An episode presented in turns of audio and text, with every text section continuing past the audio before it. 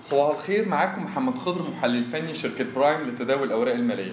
هنبدأ الملخص الفني الصباحي اليوم الأحد الموافق 11 سبتمبر 2022 هنتكلم عن مؤشر EGX 30 ومؤشر EGX 70 وعن سهمين. السهم الأولاني e-finance والسهم الثاني هي اودن للاستثمار والتنمية. بالنسبة لمؤشر EGX 30 مؤشر EGX 30 جلسة الخميس الماضي لا يزال يتداول أدنى منطقة المقاومة بين 10370 و 10430 ودي منطقة مقاومة قوية.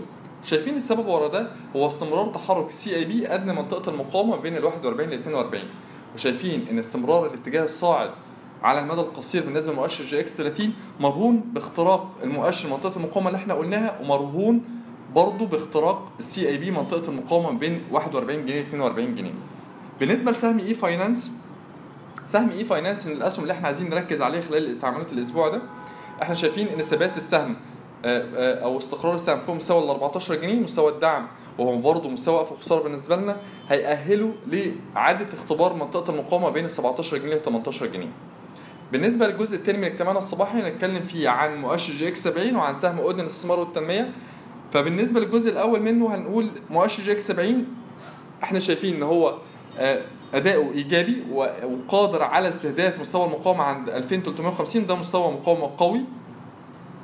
وشايفين أداء مكوناته هتتفوق على أداء مكونات مؤشر جي إكس 30 بالنسبة لسهم أودن للاستثمار والتنميه فأودن للاستثمار والتنميه ده من ناحية تانية مخاطر الشراء فيه مخاطر شراء مرتفعة للمتداول قصير الأجل. سهم كون قاع عند ال 2 جنيه بتاريخ 24 أغسطس 2022 خلال تعاملات الخميس الماضي وصل السهم لمستوى 3 جنيه 74 قرش بارتفاع حوالي 20% إحنا شايفين إن منطقه المقاومة بين ال 4 جنيه ل 4 جنيه 30 قرش هتحد أو هتعرقل من ارتفاع السهم. وحتى لو استمرت موجة الارتفاع لأبعد من المستويات اللي إحنا قلنا عليها فإحنا شايفين إن مخاطر الشراء عند مستويات الأسعار الحالية مخاطر الشراء مرتفعة نظرا لارتفاع السهم بنسبة حوالي 100% فإحنا شايفين إن مخاطر الشراء بنأكد تاني مخاطر الشراء مخاطر شراء مرتفعة أما بالنسبة لباقي مكونات مؤشر EGX 70 فشايفين إن هي أدائها هيتفوق على أداء مكونات مؤشر EGX 30 شكرا.